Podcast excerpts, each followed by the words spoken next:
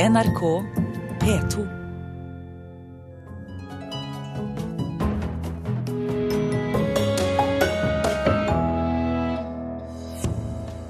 Dansekompaniet Carte Blanche må utenlands for å øve til sitt eget jubileum. Rammer dem både kunstnerisk og økonomisk, mener teatersjefen.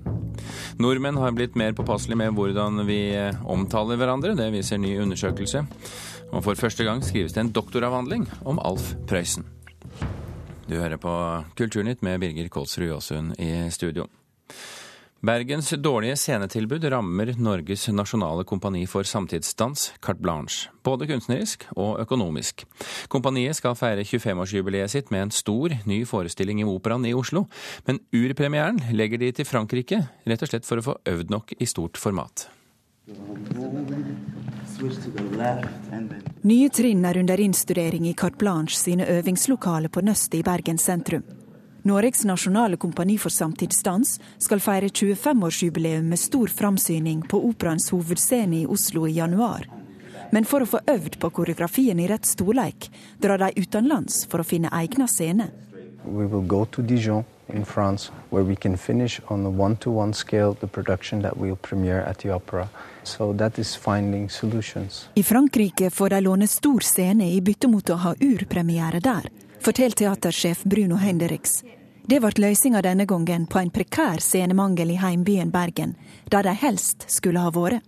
Ideal situation is that we can finish our production here in Bergen and that we can premiere it here in Bergen, of course, yes. Det som skulle være en midlertidig løsning, har nå vart i fem år. Siden scenen de brukte hos Teatergarasjen ble driven i 2008, har Noregs nasjonale kompani for samtidsdans brukt et gammelt TV-studio som scene i vertsbyen Bergen. Her må danserne snike seg langs veggen for å entre scenen, og scenografien må være svært enkel. Rammene for det kunstneriske arbeidet er altfor trange, og kompaniet får ikke utvikle seg som det burde, mener teatersjefen. It, it is limiting if you want to do bigger productions, if you want to fly things, if you, I mean, you, you can dream less. So it does affect the artistic work of the company? Of, of course, it puts a frame on what we can do and what we cannot do. Det har også økonomiske konsekvenser, for salen har bare plass til om lag 150 i publikum. Det er altfor lite, mener direktør Tone Kjemsland i Carte Blanche. Jeg tror at vi har et mye større potensial enn det vi har mulighet for å utnytte. Jeg ser at vi, er mer eller mindre utsolgt alltid. Dette med publikumsutvikling og finne nye publikumsgrupper og alt dette her, det er ikke så mye vits i Bergen, fordi at vi har ikke plass til dem. Vi har, Det er fullt. Bergen kommune er jo klar over at dette er en vanskelig situasjon for dette nasjonale eh, kompaniet å være i. Bergen kommune satser nå alt på at en ny teatergarasje på ei kommunal tomt i sentrum også skal kunne huse Carte Blanche. Men både private huseiere i nærleiken og fylkeskonservatoren har hatt store innvendinger mot det planlagte nybygget, så det er fremdeles usikkert om det lar seg realisere. Byrådsleder Ragnhild Stolt-Nielsen har ikke noen plan B. Når man skal sikre nye scener for eh, kompanier, så snakker vi jo ofte om nybygg. Vi snakker ofte om regulering, vi snakker om tomteland. Eh, så det er ikke gitt at det å hive seg over nå og begynne på en plan B vil realisere prosjektet noe fortere. Vi holder fast på plan A og tror at det skal kunne la seg realisere. Det var i si tid kontroversielt å plassere Norges nasjonale kompani for samtidsdans i Bergen. Kulturdepartementet er hovedeier av kompaniet, og har ingen planer om å flytte det, men de følger nøye med på scenesituasjonen, sier statssekretær Knut Olav Åmås. Det er en situasjon som opptar oss. Det er et eh, strålende kompani. Det har status både nasjonalt og rykte internasjonalt også, så det er viktig at eh, Carte Blanche har eh, gode arbeidsforhold og egnet lokaler. Hadde det vært bedre å være i en annen by? Jeg tror jo at Bergen er den beste byen for Carte Blanche. Men det er klart at vi må ha arbeidsforhold her for at det skal kunne fortsette å være den beste byen å være i for Carte Blanche. Og Planen er at det skal bygges en ny teatergarasje, men den vil tidligst stå ferdig i 2016. Om den da blir godkjent. Reporter her, det var Turi Rogne.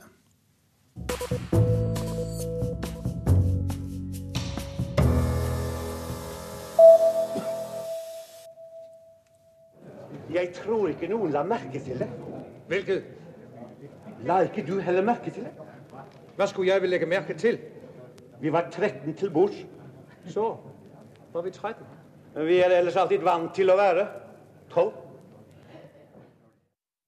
Ja, dette var eh, skuespilleren Stein Grieg Halvorsen. Han er eh, nå død, 104 år gammel. Hjalmar Ekdal i Villanden er en av hans mest kjente roller, og vi hørte han her fra Nationaltheatret i 1952, der han debuterte bare 19 år gammel. Han var ridder av første klasse av St. Olavs orden, ble også utnevnt til ridder av den svenske Nordstjerneordenen, og mottok flere priser gjennom sin lange karriere. To iranske rockemusikere fra bandet Yellow Dogs ble skutt og drept i New York i går. En venn av dem ble også drept, og én såret.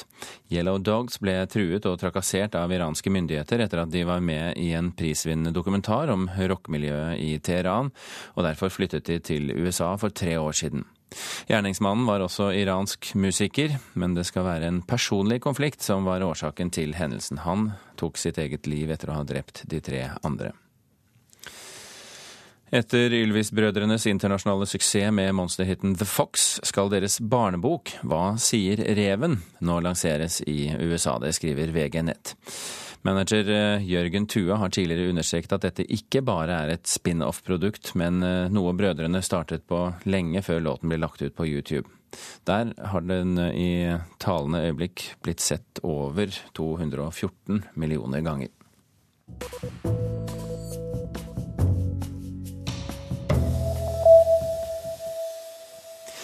Vi nordmenn har blitt påpasselige med hvilke ord og navn vi bruker på ulike grupper i samfunnet. Det viser en ny undersøkelse fra Språkrådet. Og det statistiske grunnlaget skulle være i orden. Over 15 000 mennesker har svart på undersøkelsen Er du støtende? via NRKs nettside. Likevel har vi fremdeles litt å endre på. Her er det en parkeringsplass reservert for funksjonshemmede, men eh, plassen er jo markert som en handikapplass. Terje Hertua, medierådgiver i Norges Handikapforbund, vil helst at medlemmene skal kalles funksjonshemmede. Handikap er et meget gammeldags uttrykk. Eh, dessuten er det engelsk, det er jo bare et låneord fra engelsk. Um, en ny undersøkelse som Universitetet i Oslo har utført for Språkrådet, viser at folk er påpasselige med hvordan de omtaler ulike grupper i samfunnet. Når det gjelder hudfarge, så, så eh, velger folk bort ord som neger, negresse. Det sier språkforsker Edith Bugge. De velger i stor grad ord som er mindre presise, sånn som f.eks. mørk. Over 15 000 mennesker svarte på undersøkelsen 'Er du støtende?', som ble lagt ut på NRKs nettsider i oktober. For er det greit å kalle noen svart, sigøyner, ordblind eller invalid. Folk på gata i Oslo synes det kan være vanskelig å vite hvordan de skal omtale grupper i samfunnet. Ikke mongo og ikke neger, men uh, sigøyner er jeg litt i tvil om. Mm. Eller om det skal hete romfolk. Mm. Ja, sikkert bedre å bruke romfolk. Så Språkrådet anbefaler bare folk til å, til å bruke skjønn, eller til å, til å eh, tenke seg om eller bruke alminnelig folkeskikk. Selv om undersøkelsen fra Språkrådet viser at folk omtaler bl.a. funksjonshemmede og homofile i tråd med hvordan de selv vil bli omtalt, vekker undersøkelsen sterke følelser hos mange, sier språkforsker Edith Bugge. Eh, ganske mange testdeltakere lar seg provosere av at vi i det hele tatt omtaler hudfarge. At vi tar med eh, sånne eh, ord som, eh, ja, som neger, f.eks. Eller at, at, vi spør hva ville du ha sagt hvis du skulle ha beskrevet hudfarge. Fordi eh, mange testdeltakere hevder at de ikke ville ha beskrevet hudfarge i det hele tatt. De ville ikke satt ord på det. I den andre enden så er det folk som lar seg provosere av mm, det som de oppfatter som et underliggende motiv om at vi ikke vil at folk skal karakterisere hudfarge. Handikapforbundet vil heller ikke være språkpoliti, sier Terje Hertua. Jeg skal ikke angripe alle som, eh, som sier feil, da, i gåsetegn. Hvorfor har dere ikke bytta navn, egentlig, hvis ikke dere syns det navnet er ikke riktig nok? Du, det vet jeg faktisk ikke. Eh, mulig at det er fordi Norges Handikapforbund er så innarbeida at det er, uh, det er for dumt å bytte navn. Fordi da vil folk plutselig ikke kjenne oss igjen. Og reporter her, det var Eirin Venås Sivertsen. Arnfinn Muruvik Vonen, direktør i Språkrådet. Den undersøkelsen, hva sier den egentlig noen ting om? Ja, den, den sier noe om hva slags holdninger folk har til bruk av såkalte sensitive ord. Dette er noe som det ofte er snakk om i, i mediene, men det er, har ikke vært så mye forskning på hvordan folk egentlig forholde seg til det. Så nå har vi da fått hjelp av Høgskolen i Bergen, Universitetet i Bergen og Universitetet i Oslo og NRK til å få undersøkt dette her. Så hva vet du nå som du ikke visste før? Vi vet at det er ganske mange som, som har tatt til seg de rådene og anbefalingene som f.eks. en del interesseorganisasjoner har, har kommet med, om hvordan deres medlemmer, eller de folkene de er opptatt av, ønsker eller ikke ønsker å bli omtalt. Det har jo vært en del debatt om noen typer begrep de siste årene. Blant annet har vi her i Kulturnytt fortalt om, om Pippis pappa i nye bokutgaver, som gikk da fra å være negerkonge til sydhavskonge. Tyder denne undersøkelsen på at holdningsskapende arbeid fungerer? Ja, det kan tyde på det. Altså det er Du er litt usikker? Ja, det er klart man må jo alltid ta noen forbehold, og en, en, en sånn undersøkelse kan ikke gi alle svar. Men vi ser at eksempelet ditt med neger, da, det, det, er relativt få i denne undersøkelsen som svarer at de, at de bruker ordet eller ville brukt ordet neger i de situasjonene som er spesifisert i, i spørreskjemaet. Da. Men, men, dette spørreskjemaet, bare la oss ta det kort. 15 000 har altså svart på dette. Men er dette spesielt språkinteresserte mennesker? Og er undersøkelsen, selv om det er mange, ikke helt signifikant? Det er klart at det det er jo alltids en, en, fare, for å si det sånn, for at de som går inn og svarer på en sånn undersøkelse, er litt mer interessert i temaet enn dem som ikke gjør det. Men sånn vil det jo alltid være med denne typen undersøkelser. Og når det altså er 15 000 svar vi har, vi har å analysere, så er jo det uansett en ganske stort antall mennesker som vi da vet noen ting om holdningene til. Ja, for, for er demografien spredt nok, så, så, trenger man ikke mer enn en, en 1100-1200 svar, ikke sant. Men hva skal dere nå bruke disse svarene til? Eh, vi skal selvfølgelig da bruke det videre i vårt eh, arbeid med å følge, følge, med på språkbruk og språkholdninger i Norge. Eh, vi er jo opptatt av at folk skal være hensynsfull og ikke minst bevisst på hva, hva de språklige valgene deres innebærer overfor de de snakker til eller snakker om. At ikke på den måten at vi skal sette opp noen sånne svartelister over, over ord som ikke skal brukes, men at, men at man generelt skal tenke seg litt om, om hvor, hvilken virkning ordvalgene våre har for, på andre folk. Dere skal jo presentere Dette er jo språkdagen i dag for øvrig, det, det må jo sies, og det skal dere feire i dag. Um, ordforråd er tema. Hvordan henger denne, spørsmålene i denne undersøkelsen sammen med spørsmålet om ordforråd? Ja, sensitive ord, som vi ofte kaller disse ordene vi snakker om her, de er jo en, en del av vårt ordforråd, en viktig del. En del som det er mye oppmerksomhet rundt. Og sånn sett så, så, så, henger det jo nært sammen med andre spørsmål om ordforråd. Så på denne, på denne konferansen vi skal ha i dag på Språkdagen her i Oslo, så, så kommer også spørsmål om hvordan nye ord kommer inn i språket, hvordan gamle ord forsvinner fra språket, og i det hele tatt hvordan, hvordan vårt ordforråd er, varierer og utvikler seg, og hva slags holdninger vi har til det. Arnfinn Murevik Vonen i Språkrådet, vi får nå si gratulerer med dagen, da, siden det er språkdag i dag. Og tusen hjertelig takk for at du kom til Kulturnytt. Og takk for det. Klokken er 17,5 minutter over åtte. Du hører på Kulturnytt, og dette er toppsaken i NRK Nyheter akkurat nå. Barn trygler om vann og mat på Filippinene. Hjelpen kommer ikke frem til de overlevende. Fremskrittspartiet er ikke lenger for folk flest, mener Per Sandberg. I morgen kommer boken til nestlederen. Og asylsøkere som bor andre steder i landet, selger eh, narkotika i eh, Oslo. Politiet er frustrert. Norske bildekunstnere mobiliserer til kamp mot forslaget til statsbudsjett for neste år. Regjeringen vil bl.a. kutte 15 millioner kroner som skulle gå til tiårige stipender for etablerte kunstnere og seniorer. 1447 kunstnere har søkt på de 53 stipendene som nå likevel ikke deles ut, opplyser Foreningen norske billedkunstnere. Foreningen innkaller representanter fra hele landet til krisemøte i Oslo på fredag, og målet eh, er å få til en demonstrasjon foran Stortinget neste uke. Det opplyser styreleder Hilde Tørdal i foreningen.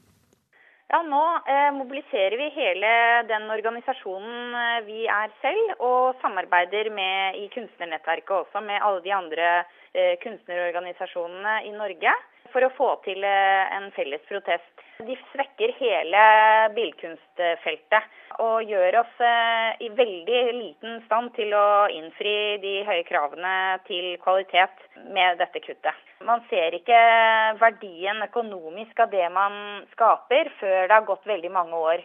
Og Det er derfor også at det er så viktig å ha denne typen stipend, som er langvarige og som tar vare på den kjernen av kunstnerbefolkningen da, som skal eh, gjøre dette viktige arbeidet.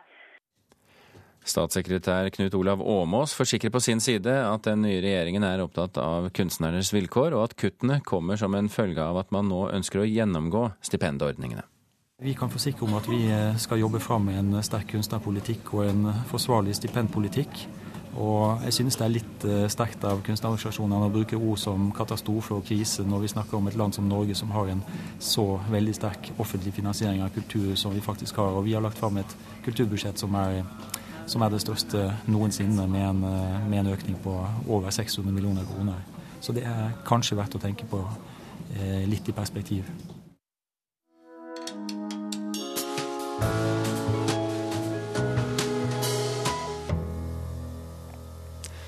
I dag kommer boken om Erna Solbergs vei til makten i eh, bokhandelen.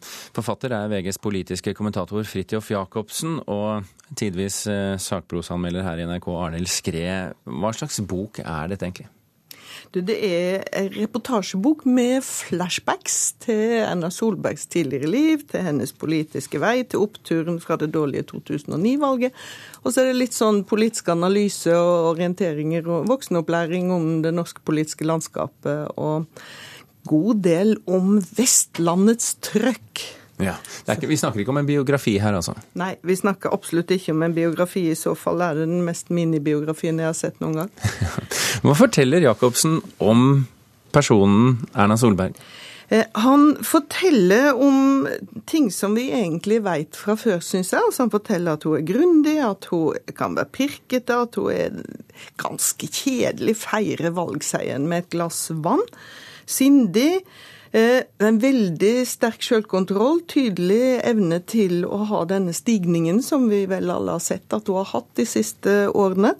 Eh, og disse statsmannstakten. Men han kommer på en måte ikke ordentlig nær henne. altså Det nærmeste er en sånn bitte liten sekvens om at han snakker om at hun har nervøse hender. Ja. Da føler jeg at det begynner å, å nærme seg litt. men det selv om man har fulgt henne da på, i valgkampen siden slutten av juli, så um, jeg syns vel ikke at han har fått han får, Ikke engang når han har direkte intervju med henne om motivasjon, hvordan hun kom inn i politikken, hva er det som gjør at hun er der, så syns jeg får, får noe særlig kontakt. Men, men, sitter han på, en, på sett og vis på avstand og skriver dette her, eller går han tett innpå henne og er med henne? Han er med henne, men det er en tydelig sånn distanse hele veien. Og for, På en måte så er jo det deilig. sant? Jeg liker godt kommentatorer som har en klar distanse, og som ikke kryper inn i, i huet på folk.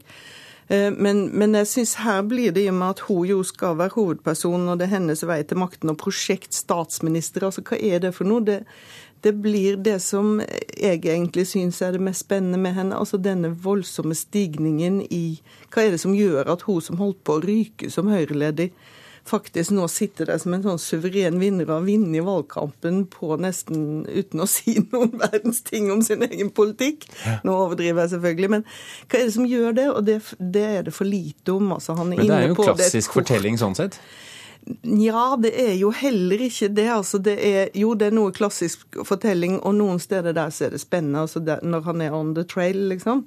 Men så er det disse lange flashbackene, og du skal evne ganske godt å koble sånne tidssprang sammen i en tekst, og det syns jeg ikke alltid at eh, Vi veit ikke alltid når vi er. Mm. Og det blir liksom veldig lange, disse tilbakeblikkene og disse utgreiene og bakgrunnen. Og, og når, når, du sier 'on the trail', hva mener du da? Altså Når han er med henne tett innpå, når han er med henne hjemme hos foreldrene til, til Hareide på Bømlo. sant? Og en av de få tingene som jeg tror kanskje kanskje nytt her, det er jo at KrF-lederen faktisk da ved den anledning står og deler ut Høyre-materiell. Det er litt artig, syns jeg. Men ellers men, men, er det lite rock'n'roll her, altså. Og når du tenker på at forfatteren faktisk er en tidligere rockesanger, så, så er jo akkurat det litt skuffende. Ja, ja. Eh, det får nå så være. Det er jo ikke hans karriere nå, tross alt. Men, men har han altså da skrevet en hel bok uten noen ting nytt? Jeg lurer på det. Jeg lurer faktisk på om det er det. Jeg håper det kommer Altså, den er lettlest, det skal en si. Den er lettlest, den er tidvis spennende. Det, det, har gått fort i svingene, det ser man på en del gjentagelser og sånn. Eh, tidvis spennende, men jeg håper virkelig at det kommer grundigere bøker om Erna Solberg enn dette her, altså. Så for hvem er dette en interessant bok? Det er for de som har fulgt litt sånn under halvgodt med og så er det selvfølgelig for de som Men likevel er interessert? Men likevel er interessert. Og så til og med jeg som ikke er politisk kommentator, syns jo jeg veit litt mer og har skjønt litt mer enn det som står her. Det er ikke for å skryte av meg sjøl, det er for å si noe om Ja, du skjønner. Mm. Um, og så tror jeg nok at en god del høyrefolk, og kanskje særlig vestlandshøyrefolk, gjerne vil ha denne boka for liksom å gni det inn at vi fikk det til. Det, det så det kan bli en altså. julegavehit på Vestlandet? Absolutt det måtte bli der, i det blå Vestlandet, ja. ja. Arne Diskré, tusen hjertelig takk for at du var med oss i Kulturnytt i dag. Vi eh, skal eh, over på, fra Vestlandet til eh, indre Østlandet, for snart kommer den første doktoravhandlingen skrevet om Alf Prøysen. Det begynte nærmest som en impulshandling da Bjørn Ivar Fiksen dro boken 'Trost i taklampa' ut av bokhyllen. Men så ble han så imponert over det han leste at han gikk akademisk til verks på en av Norges mest elskede diktere. Den sto i hylla mi og har stått der i flere år. og Jeg husker ikke hvorfor jeg plukka den fram, men det gjorde jeg nå en kveld. Og ble veldig betatt. Med det var loddet kasta, og siden har Bjørn Ivar Fyksen rulla seg gjennom metervis av avisspalter på mikrofilm i jakt på Prøysens voksenprosa til det som etter hvert vokste seg til en doktoravhandling. Altså jeg ble veldig interessert i det, og var litt overraska, fordi, fordi, han var bare en visedikter eh, for meg. Altså Ikke at det er lite, men det var det han var. Der har vi den første. Over 750 lørdagsstubber skrev Prøysen for Arbeiderbladet. Han har skrevet noveller og den ene romanen 'Trost i taklampa', som ikke akkurat lokka fram superlativene hos litteraturkritiker Barbara Ring da den kom i 1950. Nei, Alf Prøysen. Når man har vunnet hele Østlands-Norge med sine overdådige viser, skulle man være nøyd med det og ikke forsøke seg som romanforfatter. Her sier hun rett og slett at, uh, at stoffet Eh, altså Emnet for romanen det, ikke, det, holder ikke til en roman. Da. Det er for hverdagslig. Og hvem er det som står der i solbriller og grammofon? Turistdame. Men Fyksen ser noe Barbara Ring ikke så.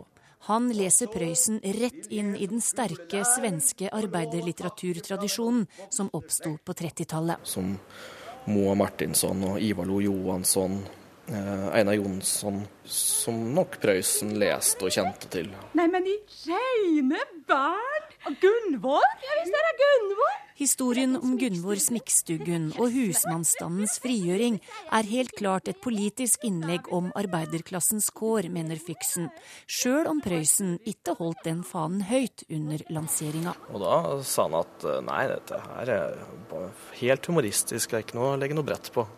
Men mente han tror det? Nei, det tror jeg virkelig ikke han mente. Dette, dette var stoff han hadde båret på i årevis. Hadde du lest i bladet? Jeg kommer fra byen, jeg. Da boka kom til Sverige noen år senere, derimot, da var den soleklar. Han sier det ganske rett ut i det, det svenske forordet, at dette her er som en, eh, en tidligere griskokks uh, raseriutbrudd. Det var i 54, og da ble den umiddelbart satt inn i den arbeiderlitteraturtradisjonen. Nei, nå må jeg gå. Prøysen skrev alltid om de nederst på stegan i husmannsmiljøet han vokste opp i, og Fyksen er ikke i tvil om at det må klassifiseres inn i en arbeiderlitteraturtradisjon. Legdefolk og tatere, eller eh, barnemordersker til og med. Tyskutøser skriver han om eh, en gang. Uh, han, han, tar alle de som er utstøtt, da, og løfter dem frem. Men det er ikke noe tvil om at han skrev om uh, et arbeidermiljø. Jeg håper det skal være et bidrag til Altså et, et bitte lite bidrag til, til den norske litteraturhistorieskrivinga. Komme med en litt sånn grundigere lesning av, av Prøysens forfatterskap. Du hørte her eh, Bjørn Ivar Fyksen, som er stipendiat ved Høgskolen i Hedmark. Reporter det var eh, Torunn Myhre. Vi rekker å ta med på tampen i Kulturnytt at den tradisjonsrike pepperkakebyen i Bergen får eget sprøyterom for narkomane denne julen. Sprøyterommet kom som en nødvendighet, forteller vennegjengen bak bidraget til Bergens Tidende. De har laget en lekepark som er tenkt å være i Nygårdsparken, men ønsker ikke å presse ut de narkomane. Samtidig er bidraget et innspill i den politiske debatten om sprøyterom. Pepperkakebyen åpnes om to uker. Kulturnytt er slutt. I dag har vi fortalt at dansekompaniet Carte Blanche pga. scenemangel i Bergen må utenlands for å øve til sitt eget jubileum. Det rammer dem både kunstnerisk og økonomisk, mente teatersjefen. Kulturnytt fikk du av Hans Ole Hummelvold, Gjermund Jampé og Birger Kolsrud Jåsund.